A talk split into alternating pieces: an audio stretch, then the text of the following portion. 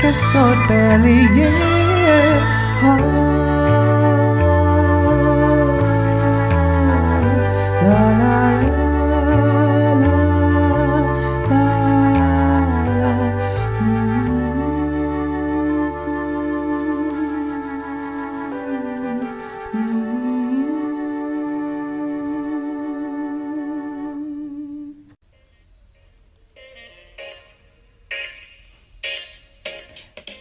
Guys, welcome back to my podcast Balada Hotelier Season 2 Jumpa lagi sama gue, Romi Romansyah Host podcast Balada Hotelier paling kece yang ada di seluruh dunia. Aur-aur, emplok ah, Beda channel ya guys, itu channel makanan loh Oke, episode kali ini gue bakal munculkan satu narasumber Yang menurut gue punya banyak kemiripan nih sama gue. Kita berdua tuh seneng banget sama yang namanya kesibukan.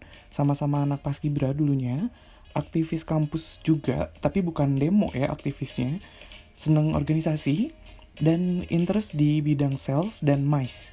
Yang mau tahu apa itu mice, topiknya tuh kali ini tentang mice nih. Nanti stay tune aja. Dan sampai kerja juga kita di satu chain hotel yang sama loh sempat. Dan jadi bener-bener nyambung banget deh, klop banget kalau misalnya udah ngobrol sama orang ini nih. Dan dulu di kampus awal-awal gue kenal sama dia tuh sebagai orang yang tegas banget nih. Mungkin karena pembawa pembawaannya tuh dulu dia anak paskibra kali ya. Jadi kalau misalnya dia ngomong, kalau misalnya dia memberikan pendapat di kelas itu seperti benar-benar orang yang tegas gitu kan dan lugas cara cara pembicaraannya itu. Dan tapi gue mulai deket-deket tuh akhir-akhir semester sih, bukan di awal-awal semester banget. Jadi karena gue sering minjem kosannya nih buat ngejain tugas atau malakin makanan sih biasanya. Dan lebih lengkapnya kita dengerin aja nih cerita dari teman dekat gue satu ini. Check this out. Hai, kenalin, nama aku Kasih Dea Putri Dinta, bisa dipanggil Kasih atau Dea. Cuma lebih sekarang, hmm, sekarang seringnya dipanggilnya Kasih. Eh, aku asal Semarang, lahir 7 Desember 93, anak pertama dari empat bersaudara juga. Dan di sini sekarang sudah bekerja, puji Tuhan sekali itu di salah satu hotel international chain di Cikarang. Ada yang tahu Cikarang di mana? Yaitu di Kabupaten Bekasi. Itu Holiday Inn Cikarang Jababeka sebagai asisten manajer event. Eh, sedikit perkenalan dari saya, nggak terlalu banyak. Sedikit juga mau sharing. Dulu itu saya basically memang dari SD SMP SMA adalah negeri SMA negeri. Di mana SMA negeri eh, lebih murah katanya. Kemudian SMA negeri yaitu di SMA negeri 6 Semarang jurusan IPA kemudian lanjut untuk daftar untuk universitas tapi orang tua memang sudah ngasih tahu kalau bisa sih sekolahnya yang negeri biar murah. Bukan murah sih membantu membantu orang tua. Iseng-iseng uh, nyari nih sekolah tinggi di bawah pemerintahan. Dan tampaklah itu ada salah satunya sekolah tinggi pariwisata Bandung di mana itu uh, kampus saya dulu. Uh, saya daftar itu STP ad, uh, sebelumnya sudah mendaftar beberapa universitas. Salah satunya IPDN kemudian AMG di Jogja maupun uh, Undip di Semarang iseng-iseng uh, iseng hitungannya iseng sih itu Lalu di Bandung memang ada saudara jauh, itu sepupunya mama di Cimahi nanya, apa sih STP? Katanya, wah itu keren tuh. Terus tanya om, om ada kebetulan di pelayaran, cuma pelayarannya adalah di batu bara, bukan yang kapal pesiar. E, nanya ke temennya, oh NH itu taunya, kalau STP nggak tahu deh gitu. Iseng-iseng daftarlah itu. STP Sekolah Tinggi Pariwisata Bandung daftar cuma modal 250.000 ribu di BRI kemudian melakukan tes itu tesnya tuh ada tes psikotes lalu bahasa Inggris interview dan kesehatan. Jadi ada empat.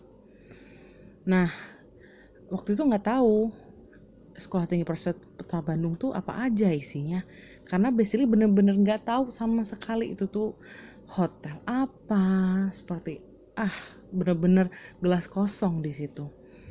Kemudian dulu sih main saya cuma mikir ah mau jadi GM ah ah mau yang handle handle event itu ah. Karena basically memang dari SMP SMA itu suka event. Dari konser musik acara perlombaan uh, ikut lomba volley paskibra semua itu uh, aku ikut. Lalu singkat cerita uh, waktu setelah tes penerimaan itu Februari kalau nggak salah Februari atau Maret. Karena ada gelombang satu dan dua. Saya masuk yang di gelombang satu. Gelombang satu pertama tes IPDN maupun AMG tahap pertama lolos semua tahap kedua bye otaknya nggak begitu encer masuk sana ternyata terus nah tinggal uh, dua nih STP sama Undip. Saat pengumuman STP, di situlah besoknya tes Undip. Hmm. Pagi itu bangun langsunglah membuka hand, membuka uh, laptop. Jeng jeng jeng jeng. Jam berapa ya? 6 kalau nggak salah, pas setengah 7 pagi masih pagi banget itu sudah keluar pengumumannya. Dan puji Tuhan sekali masuk. Dan kenapa? Dan jurusannya waktu itu adalah MDK manajemen divisi kamar. Saya nggak tahu itu tuh manajemen divisi kamar apa. Pertama uh, pemilih pilihan pertama MDK pilihan kedua ADH ya main saya cuma itu aku mau jadi GM ah gitu aja terus puji Tuhan keterima besoknya tes undip. Ya udahlah aku memang benar-benar ah, udah ya itu yang diterima ya udah aku ambil. Undip aku ikut tes tapi ya salah-salan aja. Lalu pendaftaran ulang uh, kemudian pendaftaran ada yang namanya PSDP itu seperti ospek di sana. Kemudian masuklah mulai. PSDP itu sekitar seminggu dan gila gila gila sekali. Gak gila sih tapi keren. Itu PSDP memang uh, ospeknya ospek yang di luar perkiraan universitas lainnya yang di mana uh, cuma dimarah-marahin. No di sini kita benar-benar dilatih mental disiplin dan tanggung jawab benar-benar. Dan itu selama seminggu. Gila nggak itu dan terakhirnya adalah inaugurasi oke lah happy happy terus lanjut uh, masuk semester 1, 2 ya masih culun-culun lah. Masih ah suka sama manajer yang itu. Waduh, seperti itulah masih ya. Dan ma manajemen divisi kamar itu pada tahunnya adalah ngebabu, bersihin kamar, jadi resepsionis gitu doang. Gak tahu efeknya uh, ke depannya tuh gimana. Kita lihatnya long term dong, bukan short term, ya nggak kemudian uh, semester 1 masih culun dimarahin mak nurut aja semester 2 udah uh, isinya dimarahin manajer doang karena kita ada kelas A maupun B uh, reguler maupun belt maksudnya dan di situ waktu semester 2 adalah uh, reguler sendiri di mana senior junior itu belt. Aduh pusing kepala tapi asik aja sih dinikmatin. Kemudian uh, jangan sedih saya pernah ngobok itu tangan sendiri di toilet umum kampus. Jadi buat kalian-kalian calon-calon ataupun yang sudah belum pernah menggosek itu ah, bukan anak MDK banget sekarang mungkin nggak ada ya. Jangan terlalu dimanja. Ah kasihan. Kasihan ke depannya maksudnya ya. Mentalnya nggak kuat di industri. Kemudian semester 3 di mana kita punya junior 2 dila- melatih schedule dan pekerjaan mereka, laporan ke manajer, bener-bener capek, tidur, susah senang sama tem dan puji Tuhan sekali eh, aku ditempatin dengan satu kelas teman-teman yang saling support, yang saling eh, ngasih semangat. Jadi tidur 1 2 jam it's okay. Kita barengan di kosan satu orang, kemudian pindah tiap minggu itu. Jadi sistem di kami itu seminggu praktek, seminggu teori. Jadi di mana uh, lebih banyak di praktek juga. Jadi kitanya udah lihai dan lincah. Kemudian lanjut sudah uh, semester 3 mau ke semester 4 itu kita ada namanya uh, job training. Job training itu kita milih. Nah, kebetulan kita ada pembukaan di Dubai, kemudian Singapura, uh, Malaysia, Malaysia yang tadinya lama nggak dibuka, ternyata dibuka lagi. Kemudian dipilihlah itu tes mau yang mau keluar negeri harus dites lagi, uh, tes bahasa Inggris lagi. Karena memang basically kita harus have to speak in English ya. Kemudian uh, tes dan puji Tuhan uh, saya terpilih kembali uh, dan HRD-nya waktu itu tuh datang ke sini. Datang itu Concord Shah Alam maupun Concord uh, Kuala Lumpur. HRD-nya datang, manajernya langsung, kemudian interview kita dan puji Tuhan saya aku pun terpilih itu di Concord Kuala Lumpur bersama teman-teman saya ada Medina, Jeng Madina dan Jeng Amanda, Jeng Ivana, Jeng Dita maupun Jeng Dewingga dan Mas Febi. Itu kepalanya kita. Itu deg-degan sih sebenarnya kita berangkat ke sana karena info sebelumnya itu uh, akan delay. Maksudnya nggak secepat perkiraan untuk berangkat karena masalah visa ya, perizinan visa. Nggak tahu ya, angkatan kita tuh selalu yang 2012 tuh memang sangat diberkati menurut saya. Jadi harusnya biasanya kalau keluar negeri itu berangkat akhir maksudnya Februari, Maret bisa jadi itu berangkat pertama sendiri. berangkat pertama itu di pertengahan Januari kalau nggak salah tanggal 14 apa ya saya kurang tahu. Seminggu sebelum keberangkatan di info, disiapin bla bla bla persiapan berangkat. Nah, seminggu setelah berangkat ada kejadian MH17 kalau nggak salah itu kecelakaan dan waktu selama enam bulan di Malaysia kita menikmatin susah seneng hmm, dikomplain dapat gaji uh, beli handphone sendiri itu benar-benar achievement buat kita masing-masing. Di mana kita ngelatih benar-benar mandiri semua ya. Nggak ada yang mama papa. No kemudian pulanglah kita uh, memang job training semua enam bulan. Pulanglah kita di Juni kalau nggak salah. Juni sem dua minggu sebelum pulang atau seminggu saya lupa kejadian lagi tuh MH berapa itu jatuh. Itu gimana nggak deg-degan ya? Deg-degan sekali.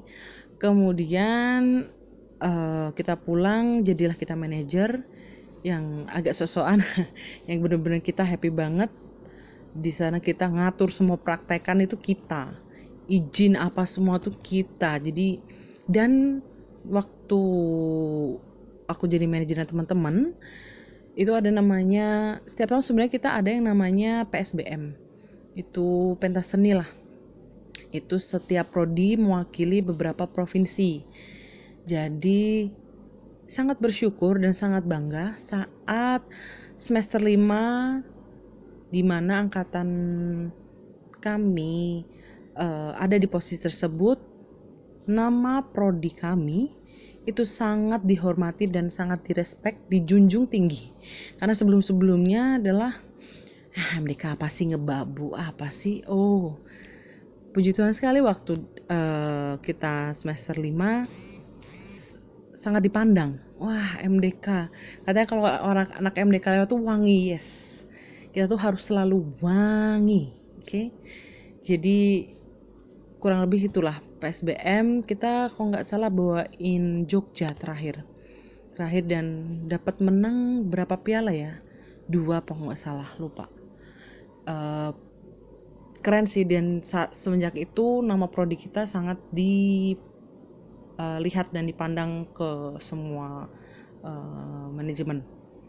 Lalu lanjut semester 6 eh, semester 6 kita sebenarnya itu tiga bulan sekolah tiga bulannya lagi adalah eh, ngejar bab satu untuk tugas akhir.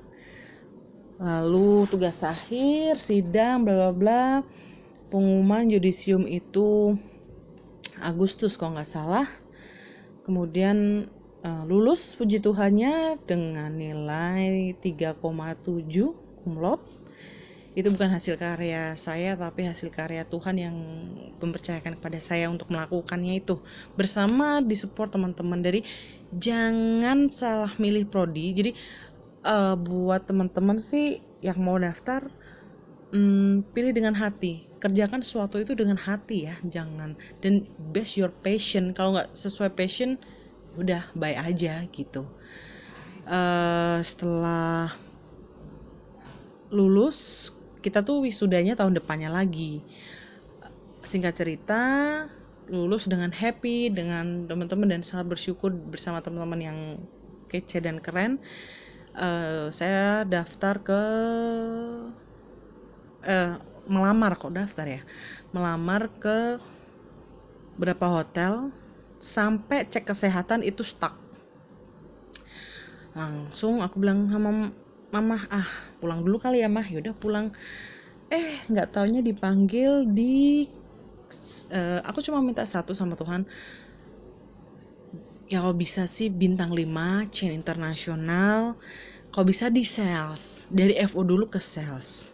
Oke dan dijawab itu sama Tuhan. Aku dikasih bintang 5 aku kerja fresh graduate sales admin itu event koordinator di Crown Plaza Semarang. Gila nggak itu? Tapi di Semarang di mana aku pulang kampung lagi. Tapi it's okay itu jawaban Tuhan. Oke aku disuruh pulang dan setelah dari Crown Plaza Semarang eh, belajar mengenai sales bener-bener sales terutama di event dan sangat bersyukur sekali karena passion saya adalah event ya dan di situ saya juga menghandle seluruh event dari meeting, gathering, graduation, wedding, birthday, konser musik. Itu bener-bener mm, mengena, mengena banget. Dan dipercaya lagi eh, pindah ke tempat lain yaitu yang di sekarang. Posisi sekarang itu di Holiday Inn Cikana Jababeka sebagai asisten event manager. Ya seperti itulah kurang lebih perjalanan dari eh, aku daftar kuliah lulus SMA yang bengong harus kayak gimana jangan sedih di hotelier itu tidak melihat title kamu S2, S3, S4, S tong-tong, no. Tapi di kemauan kamu, gelas kosong yang mau kita latih dan basic kamu di mana kamu mungkin sudah pernah uh, daily worker di hotel lain itu it's okay. Itu memang hotel benar-benar yang nggak menunjukkan title kamu title mana apa. Tapi uh, di mana kamu udah berpengalaman di beberapa hotel ataupun perusahaan. Kayak gitu sih kurang lebihnya. Semoga sharingnya bermanfaat. Semoga uh, buat kalian teman-teman uh, yang mau daftar terutama masih bingung nih yang di mana kalau mau melihat contoh senior seniornya itu boleh banget. Boleh bisa tanya dan sharing uh, sama kita kita dulu seperti apa ke depannya mau seperti apa. Oke? Gitu. Thank you.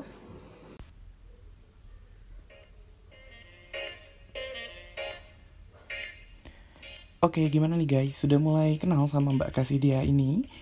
Dan namanya unik ya guys, karena pertama kali gue denger juga namanya itu nggak biasa nih menurut gue. Biasanya kan teman-teman gue tuh namanya Siti, Asep gitu kan. Terus misalnya Yeni gitu kan yang Sunda banget gitu orang Bandung. Dan gue pertama kali kenal sama orang yang namanya tuh kasih gitu, mengasihi gitu. Dan sesuai namanya nih ini anak tuh emang baik banget dan sering banget tuh mengasihi ke temen-temennya walaupun sifat tegasnya tuh kerasa banget ya nih dari cara dia cerita cara dia ngomong gitu kan. Tapi kalau misalnya udah lu kenal sama dia in person gitu secara personally banget kalian pasti bakal terkejut deh sama kebaikannya dia gitu. Nggak peres sih tapi emang bener gitu. Itu uh, gue kenal sama dia emang udah dari zaman kuliah tuh emang sifatnya kayak gitu gitu kan. Dan karena sampai detik ini gue kenal sama Kasih gue juga selalu dapat ilmu baru nih cerita pengalaman-pengalaman dia yang selalu menginspirasi gue gitu kan. Karena dia sekarang lagi ada di bidang sales yang gue tertarik juga nih di bidang itu. Jadi semua cerita-ceritaannya dari dia tuh menurut gue jadi sebuah pembelajaran nih dan bekal banget buat nanti gue nextnya itu stepnya akan gimana gitu kan dan back to the topic, kali ini sesuai dengan judul podcast gue, yaitu sales event, kita bakalan dengerin nih pengalaman kasih selama menjadi sales event yang sudah sesuai banget sama mimpi dan passionnya dia. Jadi gimana sih susahnya, sebenarnya apa jadi sales gitu kan, dan lika-likunya menjadi seorang sales itu apa, karena orang-orang berpikir bahwa apa sih sales? Paling juga cuma sales call, sales mall gitu kan, telemarketing ala-ala nggak se gampang itu apalagi sales event yang dipegang oleh kasih ini begitu besar dia memegang semua peranan penting gitu kan dan oke okay, jangan usah panjang-panjang gue yang ngomong kita dengerin aja kasih yang ngomong dan check this out bye Hello, it's me, asik. Hi everything. back to me again with Kasih. Sebelumnya mungkin lu lupa deh udah denger suara gue. Ya, bersama saya kembali Kasih Dea Dan masih bersama podcast hits terhits hitsnya yaitu Balada Hotelier Seliur-liurnya Oke, okay? uh, buat teman-teman yang belum tahu balada hotelier ini adalah hotelier hotelier. Apa itu entah uh, kehidupan karyawan, staf, tamu, hotel. Benar-benar isinya tuh apa aja sih? Yang mungkin awam dengan hotel tapi kayaknya sekarang udah nggak awam ya. Dan hotel tuh adalah salah satu uh, pendukung terbesar uh, pariwisata di Indonesia kan? Nah begitu. Jadi still on me uh, hari ini aku mau sharing di sini tentang sales event. Nah, atau mungkin hotel lain ada yang banquet sales. Sales event atau banquet sales atau event event sales, event uh, marketing atau eh semacamnya lah itu. Jadi uh, mungkin teman-teman udah tahu sales, sales itu apa? Jual kan? Dan ini khusus untuk event. Nah ceritain dong asal mulanya kenapa bisa ada di bidang ini. Ah itu jalan Tuhan kayaknya bro. Jadi um, dari ya sebelumnya aku udah info juga udah pernah share dan mungkin udah banyak ta yang tahu kalau kasih tuh event sama dengan event. Karena dari SMP SMA kuliah sampai kerja pun ngurusinnya event melulu mais mulu. Tahu kan mais? Nah kayak gitu. Uh, karena itu passion capek tapi asik gitu loh. Gimana ya? Ngungkapinnya. Uh, jadi kerja pertama itu yang sebelumnya aku udah info juga adalah di Crown Plaza Semarang itu sebagai event koordinator. Ya bersyukur sekali karena diterima di posisi itu. Admin lah ceritanya koordinator admin yang ngurusin schedule admin proposal agreement invoice. Dan itu kamu belajar dari basic. Jadi buat lolo pade. Buat teman-teman semua yang mau belajar event belajarlah jadi admin. Jangan malu jadi admin karena kamu akan lebih pintar dari senior-senior kamu. Percayalah believe me karena saya sudah mengalami. Puji Tuhan eh, bener-bener fresh grade nggak tahu apa-apa. Belajar sistem itu report selama tiga bulan itu selama satu dua bulan masih salah akhirnya saya janji sama direktur saya ada yang namanya adalah Bu Reni Kusuma.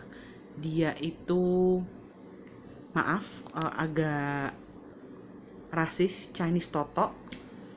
Cuma dia dari Tarakan Kalimantan dan dia great maksudnya oke cerewet cerewet banget iya. Tapi great leader disiplin dan rapi.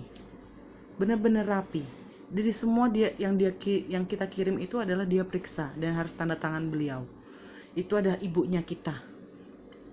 Di situ belajar saya janji sama beliau eh, oke dalam tiga bulan dari saya masuk itu saya akan janji saya akan bisa sistem dan report akan benar. Yes I did it. Eh, dan saya benar-benar wow di dugaan. Itu saya masuk Oktober event pertama saya yang saya handle karena ibu saya saya manggilnya ibu. Ibu saya mau saya grow up itu di bulan Februari di mana masih sepi-sepinya. Itu di tanggal 1 Februari yaitu adalah eventnya Citylink oke itu kayaknya serah terima jabatan deh. Dan masih kontak dengan saya itu namanya Pak Ari Citylink Semarang. Hello Bapak semoga Bapak bisa mendengar ini nanti saya share aja ke Bapak. Itu beliau itu event pertama yang saya handle dan sampai event-event berikutnya. Dari meeting meeting-meeting kecil. Memang dilatih dari meeting-meeting kecil dari 30 50 akhirnya 100 30 sampai 100 sudah dihandle. Lanjut lagi ke tahap berikutnya itu di 300 sampai 500 dan sampai 1000 dan sampai 2000 event apa eh, yang udah pernah dihandle? Ya banyak lah dari pemerintahan, corporate, government eh, yang keren itu memang pemerintahan sih government itu. OJK maupun Pertamina itu setengah dewa dulu pernah handle Pertamina yang bener-bener wow sekali. Karena banyak duit kali. Tapi oke dia mereka bener-bener eh, gue bayar segini lu harus servisnya gimana? Sebagus mungkin. Dan kita kasih memang special treatment juga kan. Lalu eh, sampai birthday sudah wedding juga dan sampai sekarang ini aku masih cerita yang di Semarang ya. Di Crown Plaza Semarang naik jadi acting eh, eksekutif. Jadi memang udah handle event itu selama 2 tahun di sana sampai untuk handle mu- konser musiknya Kahitna oke? Kahitna yang konser eh, taburkan cinta itu yang ke-32 tahun saya yang handle bersama rekan saya Bu Andari. Itu eh, gimana ya? Ya achievement sendirilah sampai paginya sampai nggak tidur sih itu hitungannya. Baru tidur tuh jam 3 pagi terus jam 7 jam 8 nganter teman-teman kahitna itu ke bandara. Kemudian terus eh ada lagi konsernya ini Art in Fire tahu nggak lagunya? Band Amerika yang hits banget. Haya na na na ayah. Nah kayak gitu mungkin agak terdengar pernah denger ya. Itu bener aku yang handle susah seneng wow sekali sih itu. Terus eh, karena ada problematika di mm, hotel tersebut akhirnya eh, dipindahkanlah itu sekarang di Holiday Inn Cikarang Jababeka yang waktu pertama di sana jadi event eksekutif dan puji Tuhan tahun lalu eh, dipercaya menjadi asisten event manager di situ. Terus tantangannya banyak banget. Banyak banyak banget kalau tantangan eh, setiap tamu itu kita tahu setiap karakter, setiap level, maksudnya setiap levelnya, setiap eh, treatmentnya. Cuma kalau tamu udah reguler yang biasa, kayak dulu eh aku udah pernah handle Pertamina yang memang sering terus corporate itu banking banking itu keperluannya seperti apa itu sudah hafal jadi lebih memang ke corporate itu memang treatmentnya beda-beda jadi membawa keunikan sendiri emosi sendiri eh, kesenangan sendiri puas sendiri. Tapi ya kalau nggak kayak gitu nggak sales coy. Serius. Tam- kepuasan tamu itu eh, nilainya kita. Makanya setiap event selesai event itu ada namanya eh, review.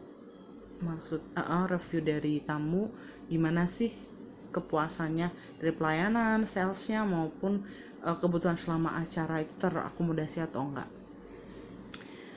jadi kalau sales itu dari kamu dealing dengan tamu, tanya, tanya itu berarti udah inquiry.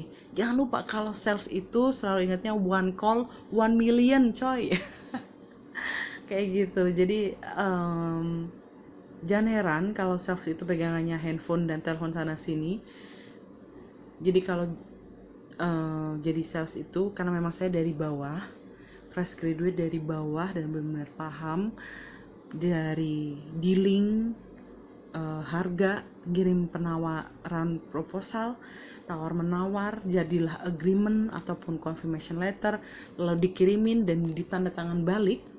Kemudian proses performa invoice sampai invoice selesai dan thank you letter ke tamu. Jadi jangan lupa buat teman-teman kalau selesai event say thank you ke mereka. Jadi itu apresiasi buat mereka juga. Kita udah thank you karena udah mempercayakan mengadakan event di kita. Kayak gitu. Itulah standarnya eh, hotel kami ya IAG jadi bawa nama brand nih. Oke kemudian di sini eh ya itu asal mulanya sih dari awal.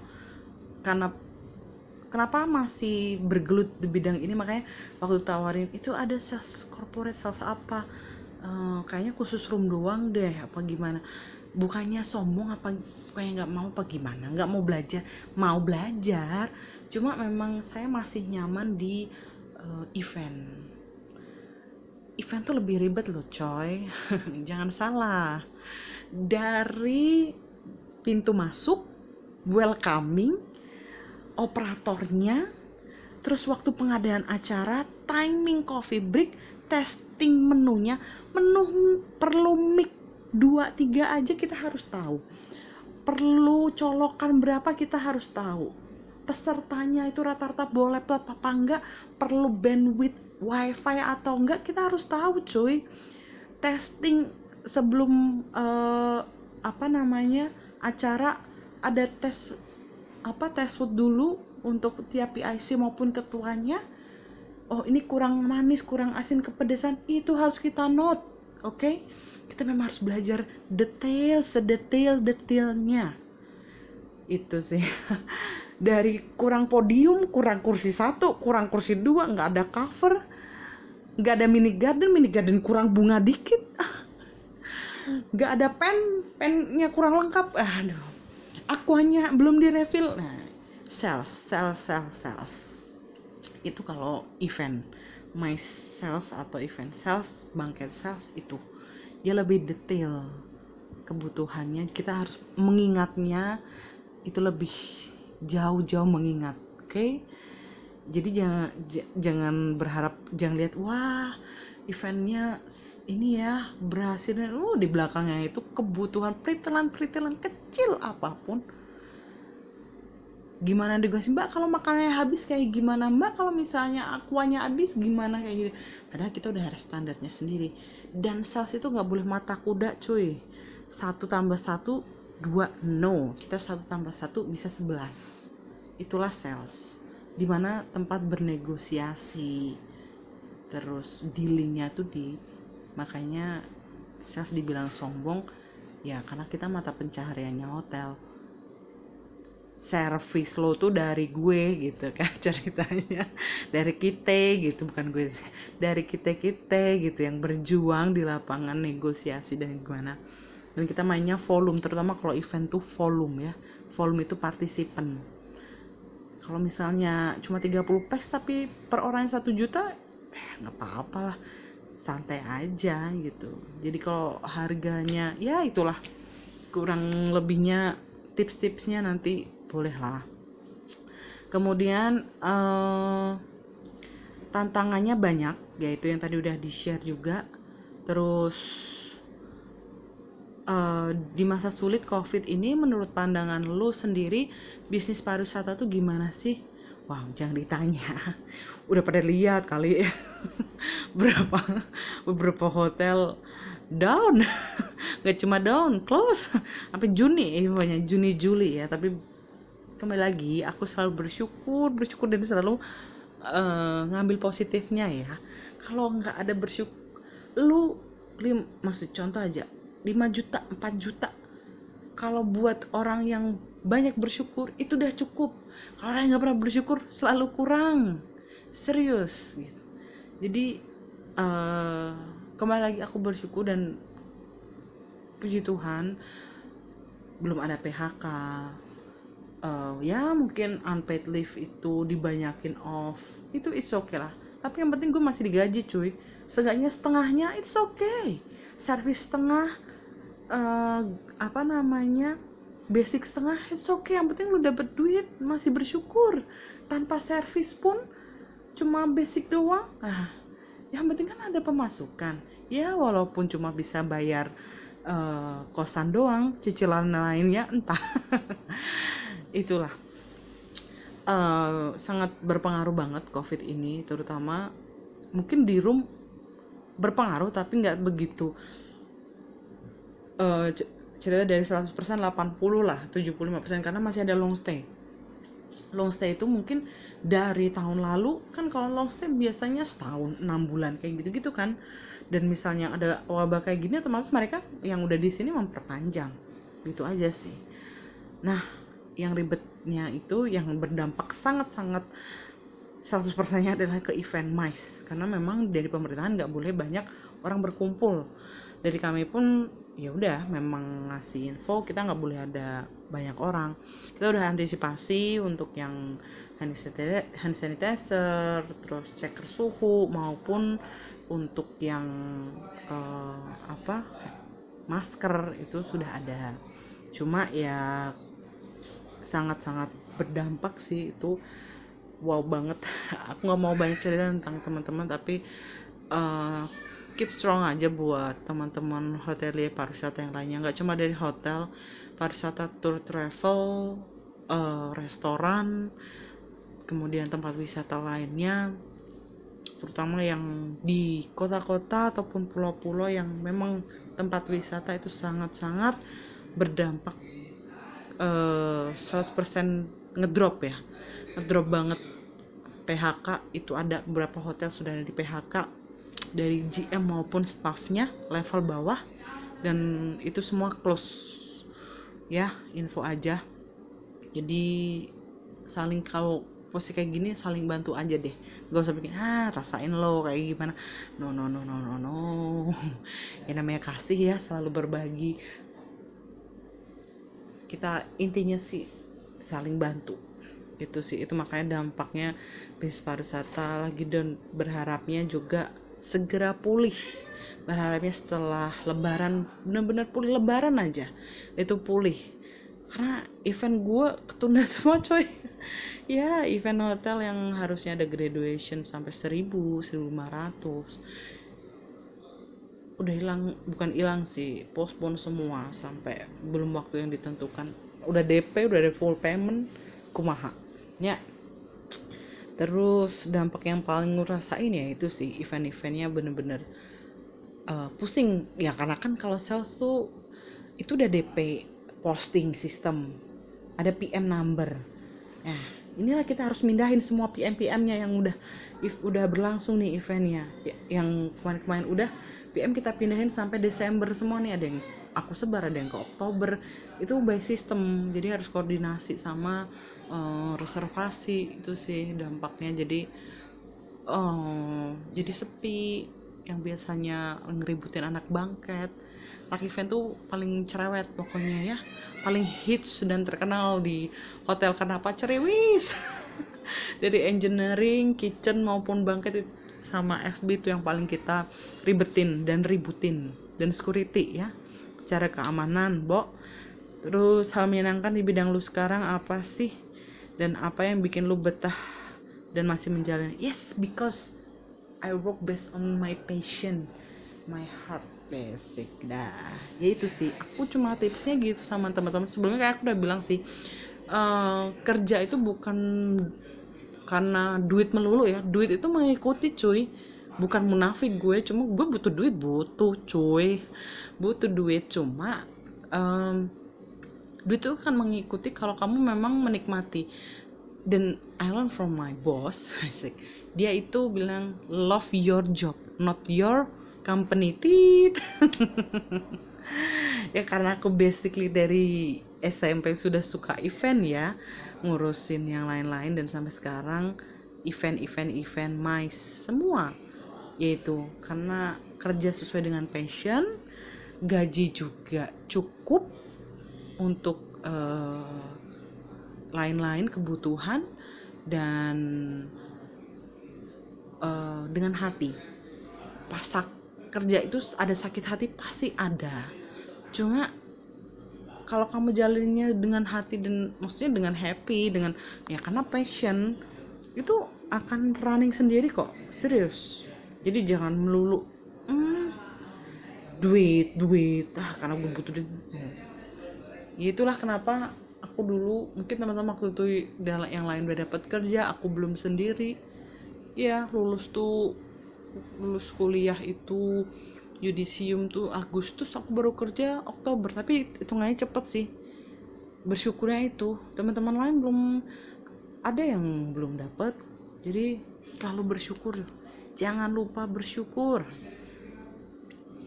Terus di sini kenapa eh, masih menjalani? Ya karena betah. Ya itu passion ya. Kembali lagi. Jadi ngomongin passion passion mulu kasih mah ya gimana tuh terus eh, tipsnya yang mau di bidang sales heart gimana? Harus cantik cencil cerdas? Hmm nggak sih. Hmm kalau sales itu yang penting kamu mau belajar. Belajar. Sales itu jangan terlalu banyak dimasukin ke hati. Keluar masuk kanan keluar kiri.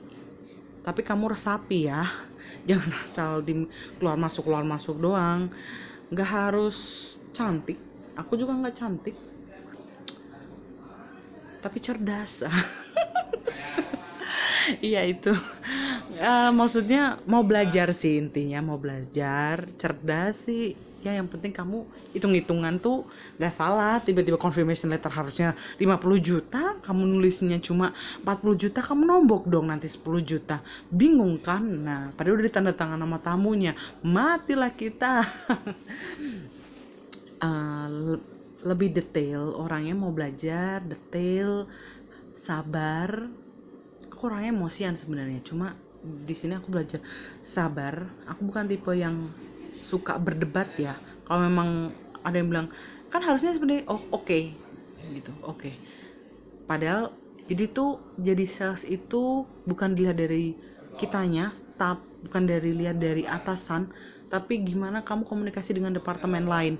Karena departemen lain sendiri itu yang akan menilai kalian oh ternyata kasih itu begini oh ternyata kamu tuh seperti ini oh B tuh seperti ini C tuh seperti ini. Kayak gayanya orangnya kayak gitu jadi kamu anak event tuh lebih sering deket sama anak-anak departemen lain karena ya itu sering komunikasi untuk setiap eventnya. Itu jadi tipsnya gitu sih nggak harus yang cantik ganteng rapi penting rapi hak wangi menarik nggak harus seksi juga beneran. Jangan seksi-seksi nanti dikira apa Eh, kayak gitu sih. Yang penting kamu mau belajar eh, disiplin yang pertama tanggung jawab. Nah itu sih jadi sales harus tanggung jawab.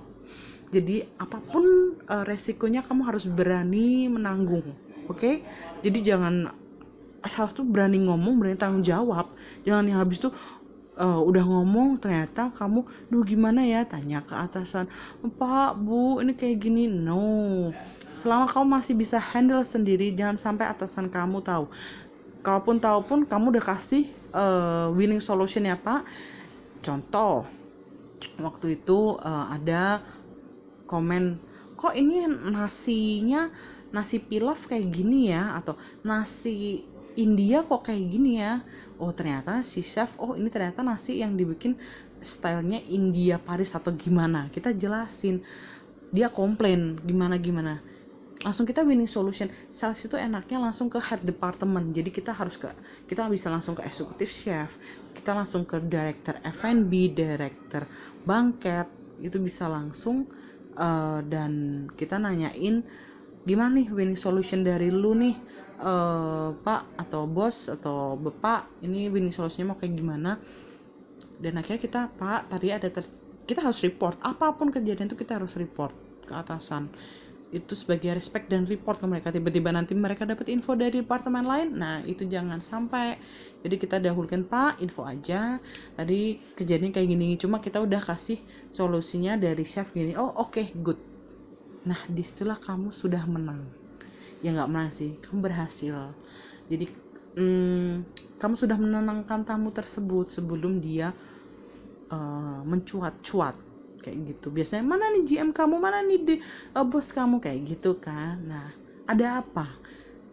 Kamu jadi sales harus berani terima komplain loh. Komplain aduh jangan jangan sedih. Eh, komplainan pasti diterima dengan lapang dada. Itu cuma kita dengerin kita minta maaf dan kita kasih winning solution ya baiknya gimana. Itu sih jadi sales oke teman-teman eh, cukup sekian mungkin cerita dari saya. Nggak sharing sih bukan cerita. Sharing gimana jadi sales eh, dan terutama di event ya. Bisa sales room itu bisa asik kok sales itu. Serius nggak akan nyesel.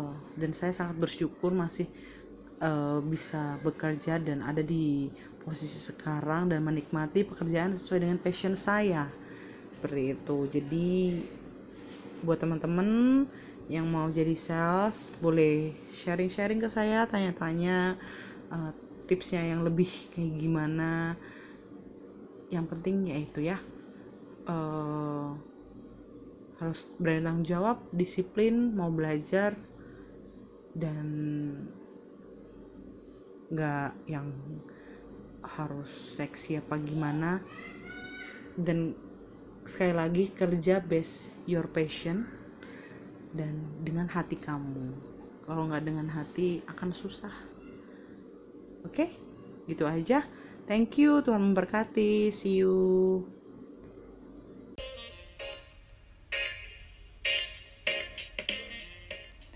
Hello, it's me.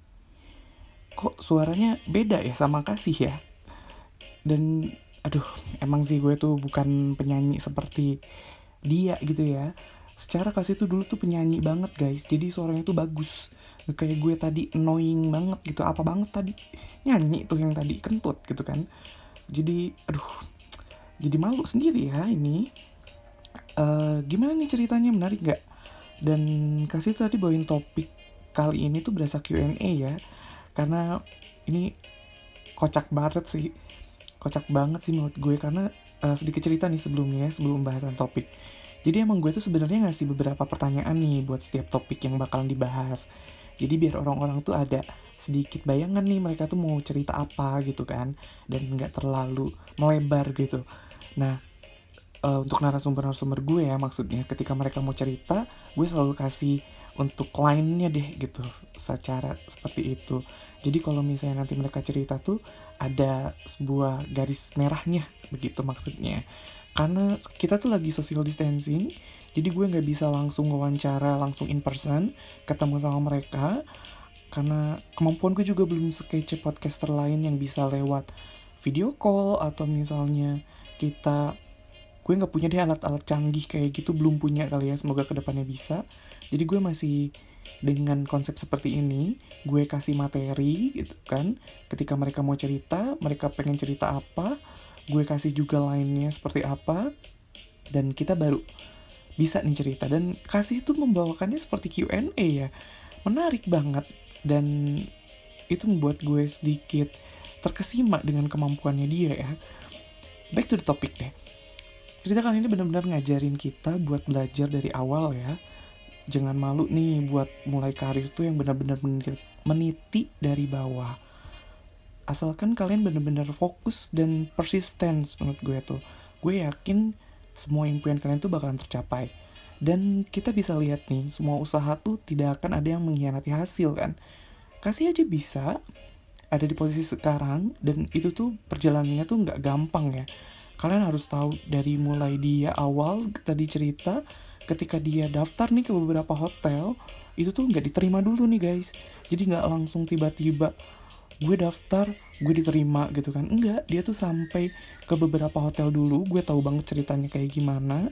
Dia cari tahu dulu nih sebenarnya dia tuh pengen di mana sih goalsnya gitu kan. Dan dia set uh, her goals dan dia ngegrab itu bener-bener memang betul kata kasih itu kuasa Tuhan banget tiba-tiba dia diberikan pekerjaan yang sesuai dengan apa yang dia mau, yaitu di bagian sales.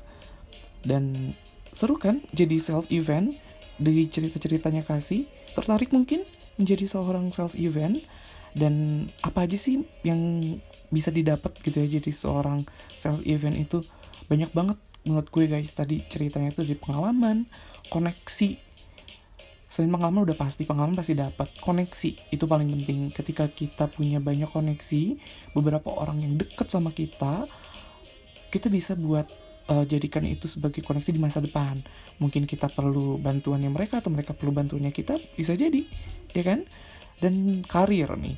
Pengembangan karir banget uh, ketika lu udah jadi sales kemungkinan besar karir lu juga bakalan baik ke depannya karena sales yang bisa disebut yang tadi kasih bilang satu telepon itu katanya berapa juta tuh ya? Satu miliar ya uh, nilainya ya. Gila gede banget kan? Jadi berhubungan juga berarti dengan duit nih ya. Jadi kalau misalnya jadi sales dan kalian berpikir bahwa kerjaan apa nih yang dapat duitnya banyak mungkin sales. Mungkin sales bisa dapat insentif mungkin ya. Mungkin mereka bisa mendapatkan sesuatu yang tidak didapatkan oleh bagian staff-staff lain seperti itu dan apa sih tugas sales event gitu? Itu banget yang dapet dari cerita kali ini. Tugas-tugasnya sales event tuh nggak cuma bikin apa? Jadi kayak LO atau misalnya dia cuma ngegrab tamu buat di event tapi ternyata banyak banget kan yang tadi disebutkan. Dan gue tuh berharap banget para pendengar tuh bisa menentukan planning karirnya mereka ke depannya planning kalian nih. Jadi nggak cuma ketika lu ngedenger ini lu terkesima doang nih sama ceritanya kasih tapi lu juga bisa nge-planning oh gue tuh mau loh planning karir gue tuh seperti itu juga gitu kan.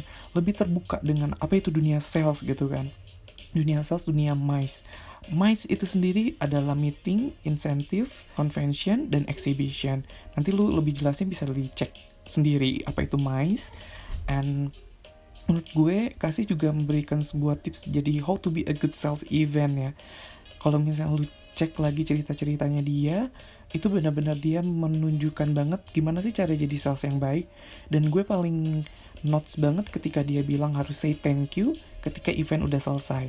Bener itu bener banget. Ketika lu butuh lu akan membuat koneksi yang baik ke depannya lu butuh banget yang namanya tuh ucapan terima kasih. Jadi uh, semua yang jadi konsumen tuh merasa di merasa diperhatikan banget gitu sama kita dan merasa dibutuhkan. Apalagi ketika kita mengucapkan terima kasih mereka akan berpikir bahwa gila sih gue tuh uh, ngebantu juga gitu kan di sini. Dan gue tuh menjadi seorang yang apa uh, memberikan jadi intinya kalau misalnya ketika kita udah setting queue sama orang gue ngerasa mereka juga bakalan sedikit tergerak nih hatinya gitu kan dan sekian topik kali ini, dan semoga menambah wawasan kalian juga, dan membuka perspektif baru nih di kepala kalian tentang dunia sales.